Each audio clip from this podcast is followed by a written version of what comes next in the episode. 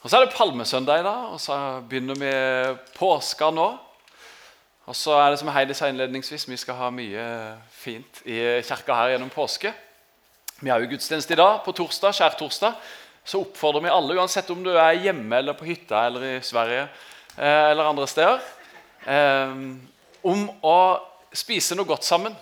Spis kveldsmat, spis middag, gjør hva som helst. Og så i løpet av det måltidet så del nattverd sammen. Les teksten fra et av evangeliene om hva som skjedde på skjærtorsdag. Inviter gjerne noen på besøk.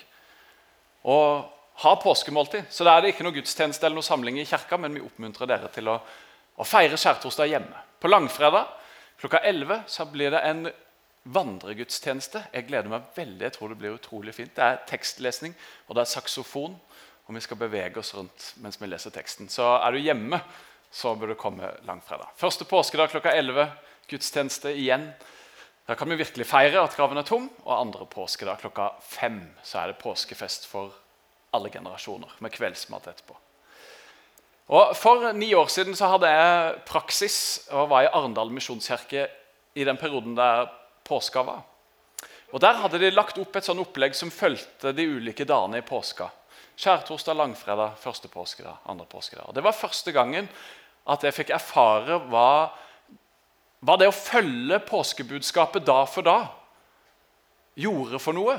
Og hvilken betydning på en måte hver dag fikk, og sammenhengen fikk, i mye større grad enn det hadde gjort før. Vi kjenner jo historien, vi vet jo på en måte sluttresultatet. Så det er så fort gjort å gå rett til graven er tom.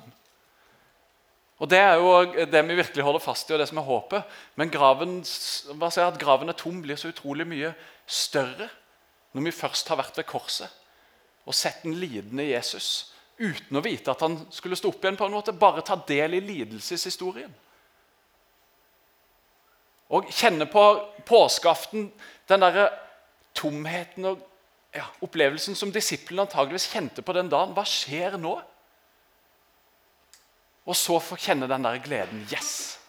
Så klarer vi det ikke 100 for vi må bare på en måte late som, eller siden vi vet hva som skjer. Men, men jeg inviterer dere til å være med og ta del i dag for dag, og ikke bare hoppe rett til uh, festen og gleden på oppstandelsen, for det er så mye godt å hente i de andre dagene òg. Så det er noe av det som vi har lyst til å gjøre her. da.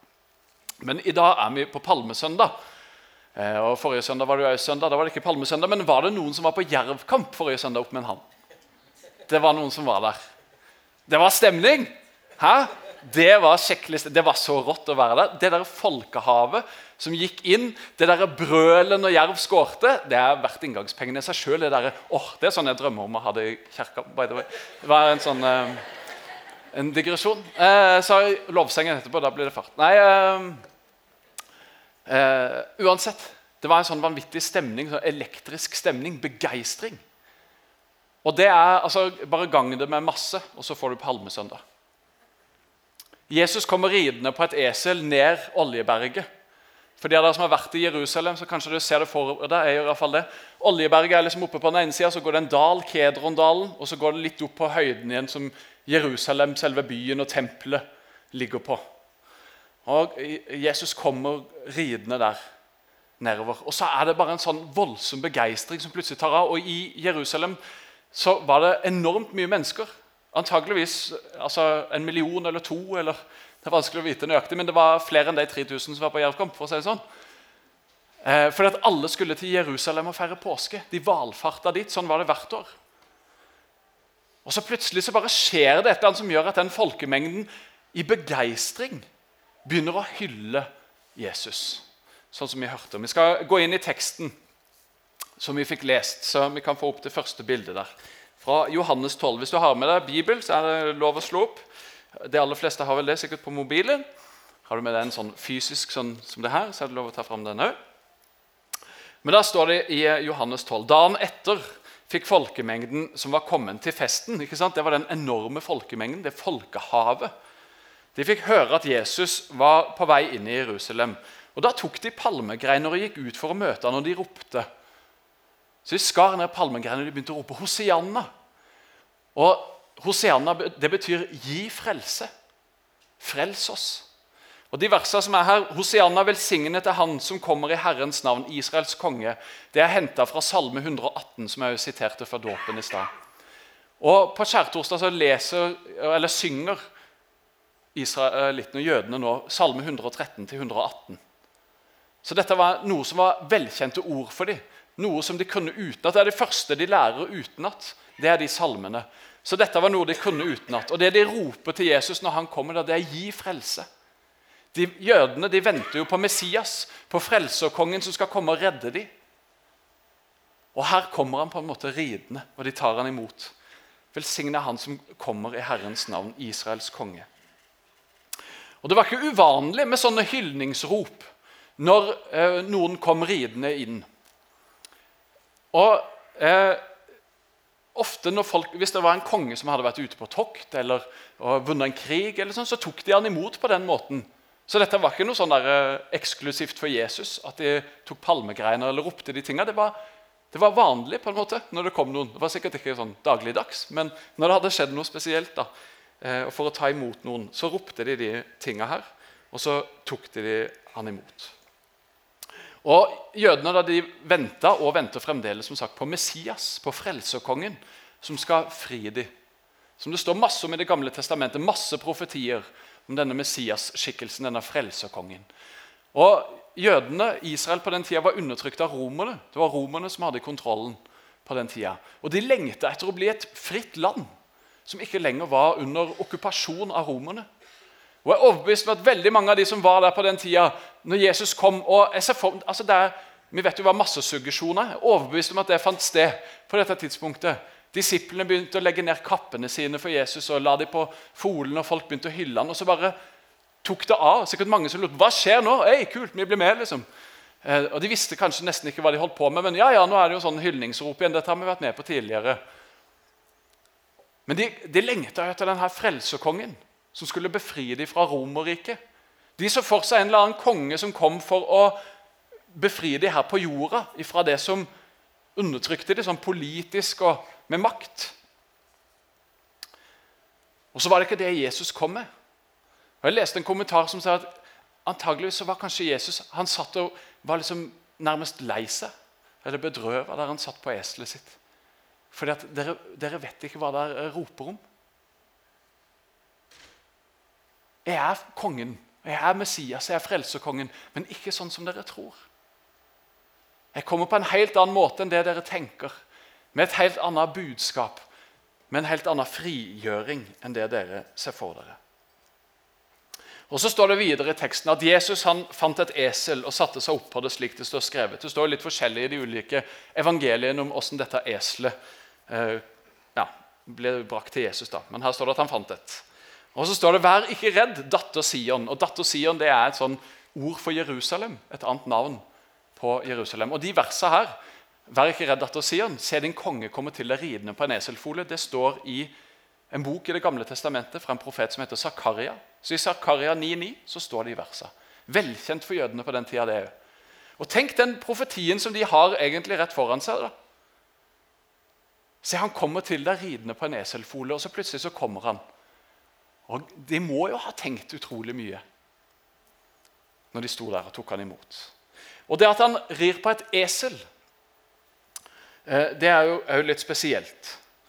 Eh, fordi at det, eh, I hvert fall i vår tid så tenker vi jo ofte at det er liksom en hest. Det er det store. Det er liksom, ja, Kanskje ikke i vår tid, da, da er det jo mer liksom en tanks eller noe sånt. Men hvis vi skulle tatt et dyr, da, sånn som de hadde, så var hest ikke sant? det er sånn krigerdyr. Vi rir ut i krigen. og alt mulig sånn. Og Sånn var det på den tida òg. Og så velger Jesus et esel. Og Vi tenker kanskje litt sånn nedsettende om esler. De er liksom ikke så gode, de er sta og alt mulig. Men eh, esel på den tida det var vel ansett. Og det kom gjerne sånne eh, konger på, ridende på det òg. Men det som det eselet betyr, da, en hest, det betyr krig. Nå skal jeg ut i krigen og ri på en hest. Men kommer du på et esel, så betyr det at jeg kommer med fred. Og Det er jo det Jesus kommer med. Han kommer med fred. Han er fredsfyrsten. Så når Jesus rir på dette eselet, så, så sier han det. Jeg kommer med fred. Det er det det betyr. Og Det er ikke sikkert at den folkemengden som var i ekstase, tenkte over det. Og Jesus hadde jo ingen mulighet for å rope ut «Ei, forresten! Jeg liksom han freds... Altså, det var en sånn øredøvende og voldsom begeistring. Men han er fredsfyrsten som kommer. Og I Det gamle testamentet så er det masse profetier og mange profeter. Og de Profetene de gjør profetiske handlinger. De bruker ikke bare ord. Men det var en gang som skulle fortelle at ja, nå blir eh, israelsfolket, de tolv stammene, delt opp i ti og to. Og Da tok han en kappe og reiv den i tolv stykker, og så fordelte han de. Noen la et åk på skuldrene en gang for å vise at nå blir det vanskelige tider. Altså, De brukte sånne bilder og konkreter og illustrasjoner som folk skulle forstå. Det burde jo jeg ha gjort nå, sånn at dere husker den talen her. Men eh, det gjør på en måte Jesus når han kommer ridende på det eselet. Det er en profetisk handling. Det er noe som ikke bare ørene hører, på en måte, men det er noe som øyene ser, og noe som hjernen og kroppen husker på en helt annen måte. Sånn er det med oss. Vi husker mye bedre de tingene vi både ser og hører. Og så står det jo det om disiplene. Dette skjønte ikke disiplene med det samme. De var sikkert òg med i denne begeistringen. Yes, nå skjer det! liksom.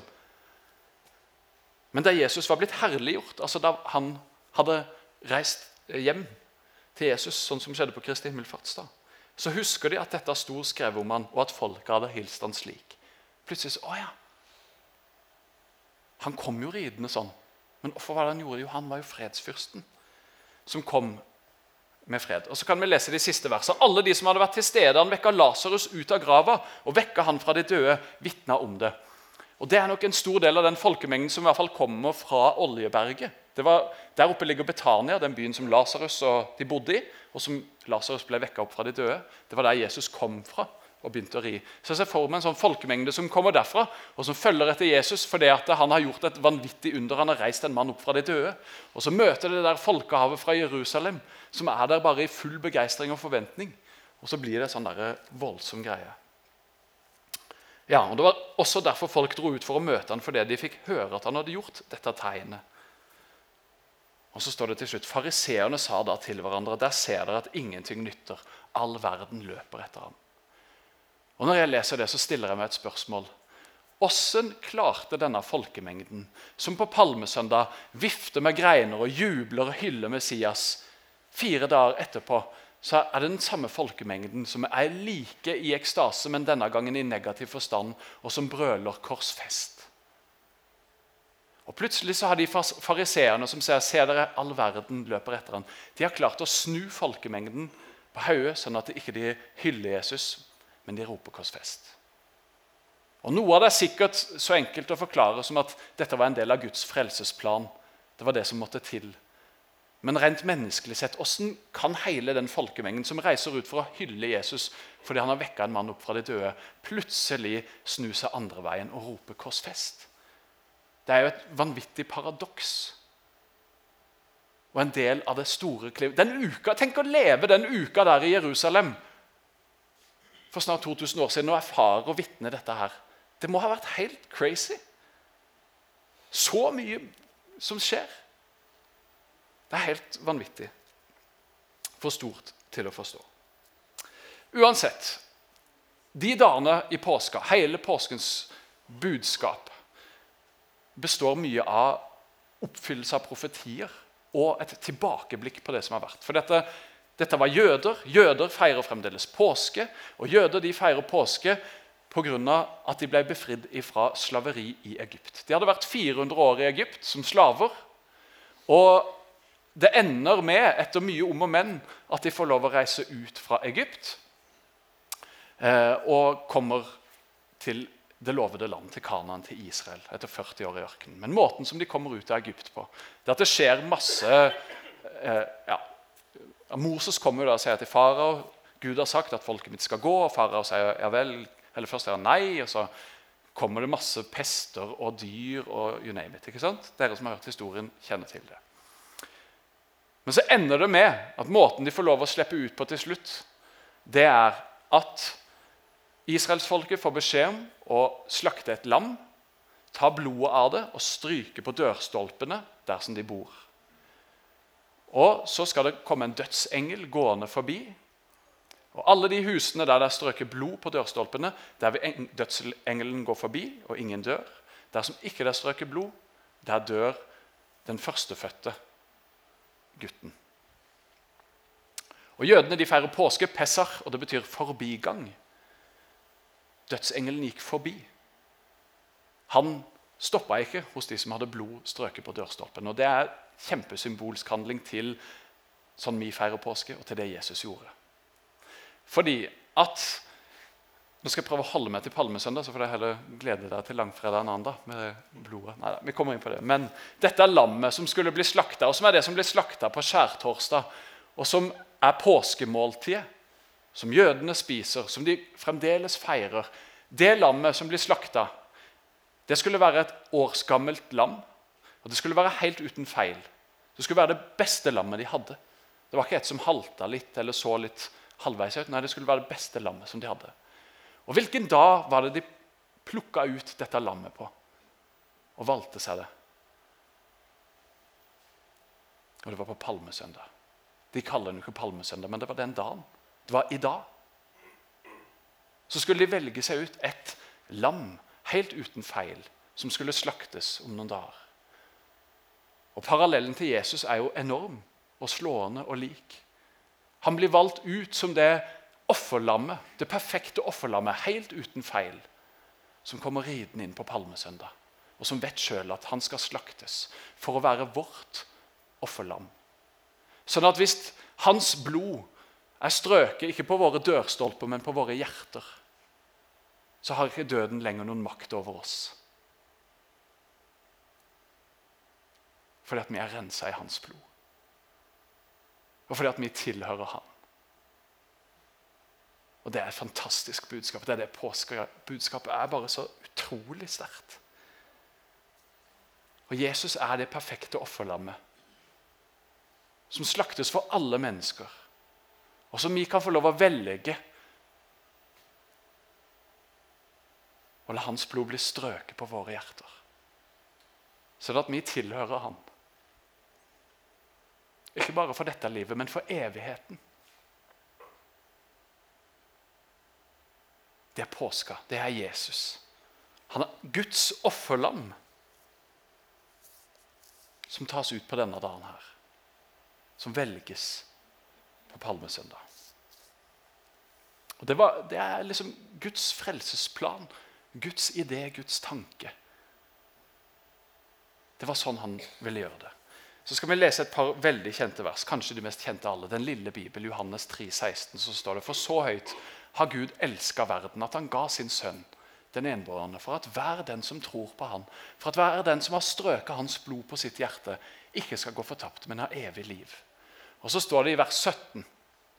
For Gud sendte ikke sin sønn til verden for å dømme den, men for at verden skulle bli frelst ved ham. Så Gud sender ikke Jesus til verden for å dømme oss, for å rette pekefinger og for å finne alle feilene våre og si du når ikke opp, du driter deg ut, nå gjorde du det galt. Nei, for å redde oss. For Han vet jo at vi er ufullkomne. Han vet at ikke vi er et sånn feilfritt lam. Vi har våre skavanker, alle som én. Og vi kan aldri bli et offerlam for Gud. Vi blir aldri gode nok. Vi når aldri opp og Gud i sin store nåde, i sin kjærlighet til oss, så sender han sin egen sønn istedenfor oss, som et offerlam som dør i ditt og mitt sted. Og så er han vår frelserkonge, den som redder oss, som befrir oss, ikke fra romerne eller fra en eller annen undertrykkende politisk makt, men fra synden i vårt eget liv. Fra alt det som holder oss vekke fra Gud, fra de dumme valga som vi gjør, fra de stygge tankene som vi tenker, fra de onde handlingene som vi gjør mot hverandre. Så kommer Jesus og er vårt offerlam.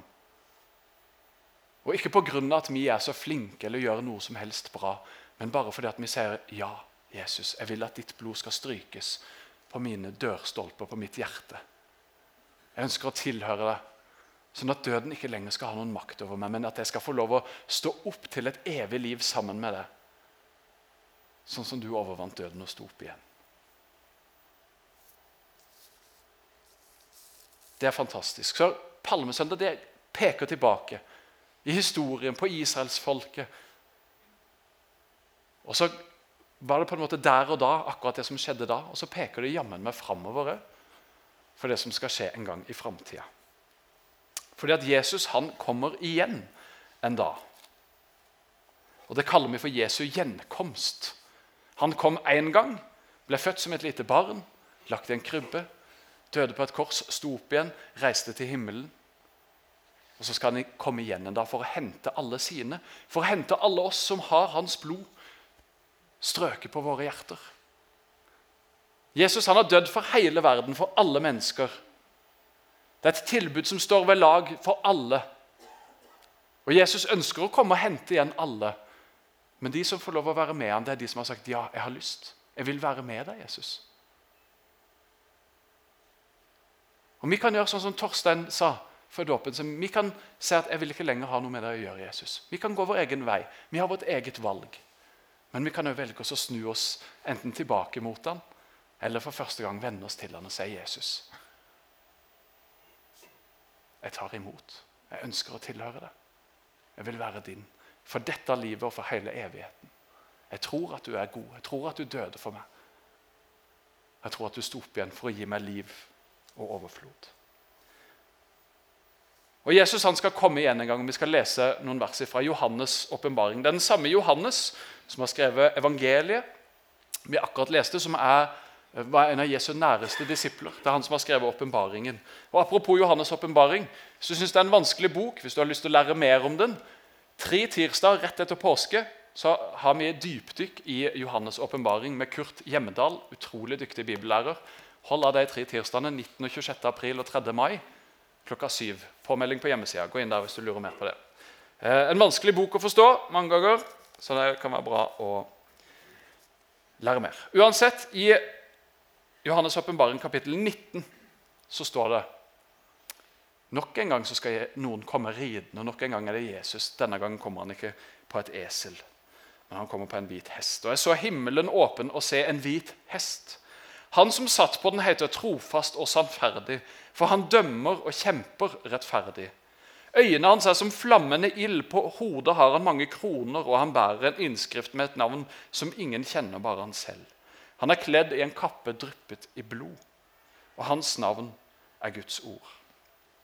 Himmelens herskarer, kledd i hvitt og rent lin, følger ham på hvite hester. Ut av munnen hans går et skarpt sverd, med det skal han slå folkene. Han skal styre dem med jernstav og tråkke vinpressen fylt av vredesvin, av Guds den allmektiges harme, og han har et navn skrevet på kappen og ved hoften. Kongenes konge og herrenes herre. Så Jesus han skal igjen komme en dag. Og Da kommer han ikke som fredsfyrsten på et esel, men da kommer han som krigerkongen på en hvit hest. Og når Jesus døde på korset, så betalte han for vår synd og for vår skyld og ropte 'det er fullbrakt'. Jeg har gjort det som måtte til. Og så vet vi at fremdeles så finnes det synd, det finnes sykdom, det finnes ondskap, det finnes sorg og smerte i vår verden. Og Det er det Jesus en gang for alle skal ta oppgjør med når han kommer tilbake. Det er derfor han kommer som krigerkongen. For han skal utslette all synd, all sykdom, all sorg og all smerte. Og Det skal ikke lenger være tårer, det skal ikke lenger være noe vondt i den evigheten som vi skal få lov å leve i sammen med ham. Så Derfor kommer Jesus som den krigeren på den hvite hesten. En gang der framme. Og så er det sånn at Med Jesu gjenkomst så er det noen som tenker åh, yes, dette er så spennende. Her er det så masse spennende. Tenk på det som skjer i verden. Kan det være sånn? Kommer Jesus da? Kanskje hvis det skjer, så kommer Jesus. Jeg tenker veldig lite på det, hvis jeg skal være helt ærlig Jeg er veldig lite opptatt av Jesu gjenkomst. I hvert fall sånn i forhold til det som skjer i samfunnet rundt oss og verden. og alt mulig sånn. Jeg tror at alle mennesker, helt fra Jesus reiste, har vært opptatt av at han kommer igjen. Det står det om Paulus og de andre første kristne at de var overbevist om at Jesus kom mens de levde. De levde med en sånn forventning om at han kommer hvert øyeblikk. Tenk de som levde under svartedauden eller krigen, altså andre verdenskrig. eller nå, det, nå kommer han, ikke sant? Og Det som vi vet, det som vi kan stole på, det står at hans navn er trofast og sannferdig. Bibelen, Guds ord, det er til å stole på. Så vi kan stole på at han kommer igjen en dag. Og Det står jammen meg òg i Guds ord at det er ingen som vet når han kommer igjen. Det er bare Gud som vet det. Selv ikke Jesus. Har, Det hjelper veldig lite å drive og spekulere. For vi kommer ikke til å finne ut at det blir da eller det er da. eller... Det eneste som vi vet, det er at han kommer igjen en dag. Det kan vi være sikre på. Han kommer igjen. Og så kan vi være sikre på at for hver dag som går, så er vi én dag nærmere.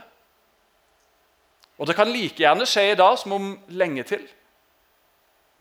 Så Derfor så er det tredje som er helt sikkert, og som er det viktigste, synes jeg, det er at når han kommer igjen, om det skjer om fem minutter, eller i morgen, eller om 20 år, så må vi være klare. Det er det aller viktigste. Uansett når det måtte være, uansett når det er, så må vi være klare den dagen han kommer.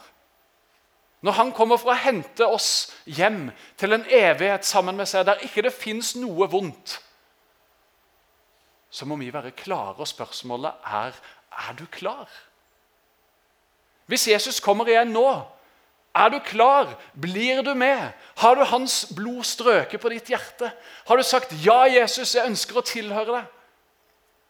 Jeg tror at det korset ikke bare er et symbol på noe, men at det virkelig vitner om at du døde på det korset, at du betalte for mine synder, for min skyld. For alt det dritet som jeg gjør, som gjør at jeg ikke klarer å leve sånn som jeg burde og skulle og ville. Men takk, Jesus, for at du klarte det, for at du var det perfekte offerlammet som levde uten synd, og som betalte prisen som jeg skulle ha betalt, sånn at jeg kan gå fri. Har du sagt ja til Jesus? Har du sagt ja, Jesus? Du er min frelser, du er min redningsmann. Du er den jeg trenger for dette livet og for evigheten. Har du sagt ja, Jesus, du er min Herre? Du er den jeg vil følge. Du er den som har det siste ordet. Du er den jeg vil stole på først og fremst. Det er spørsmålet i dag. Er du klar? Er Jesus din frelser og herre? Og så er det sånn at Når vi tar imot Jesus eller sier ja til Jesus, gjør han til vår herre og frelser, så er det ikke sånn at å ja, da kan vi bare vente til han kommer igjen. liksom. Da setter vi oss ned og så Ja, ja, kommer du snart? liksom. Det drøyer jo så. Nei, han har meint at vi skal ha et liv òg mens vi lever her og nå. For det, det, evige livet det starter ikke den dagen jeg og du dør, eller den dagen Jesus kommer igjen. Nei, Det evige livet det starter den dagen vi tar han imot og sier Jesus, du er min redningsmann. Du er min herre. Du vil jeg følge med mitt liv. Den dagen starter det evige livet. Det evige livet består av Guds nærvær, hans fred, hans glede, hans frihet. Så lenge vi lever her på jorda, så vil ikke vi oppleve det i fullt monn. Fremdeles så skjer det kjipe ting, fremdeles synder vi, fremdeles er det ondskap. Men vi kan få lov å erfare drypp av evigheten. Drypp av Guds rike, drypp av hans fred når det stormer.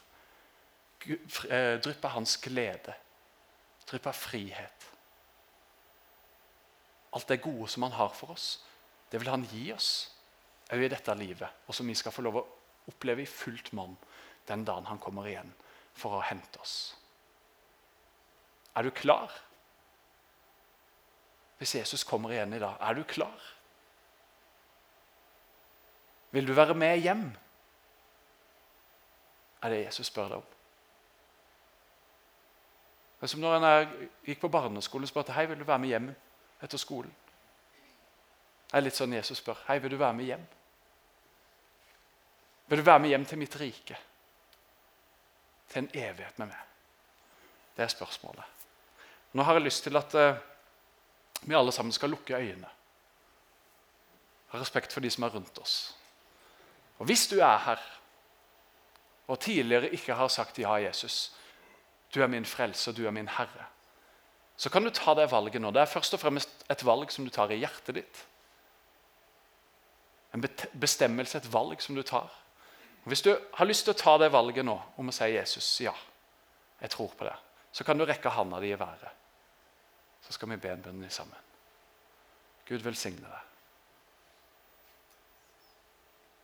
Kan rekke en hand i været bare som et, et tegn for deg sjøl og Gud at du tar imot og ønsker å gjøre ham til din frelser og herre. Ja, Gud velsigne deg. Og Hvis du har tatt dette valget mange ganger før, kanskje, men kjenner at ah, jeg trenger å ta en ny bestemmelse på dette her. Jeg vil gjøre Jesus til min frelser og Herre, så kan du være med i den bønnen som vi nå skal be sammen med de som rakte opp hånda si. Så da, kan, da ber jeg først, og så ber dere etter meg. Jesus, takk for at du var Guds offerlam. Takk for at du valgte å gå i døden i mitt sted.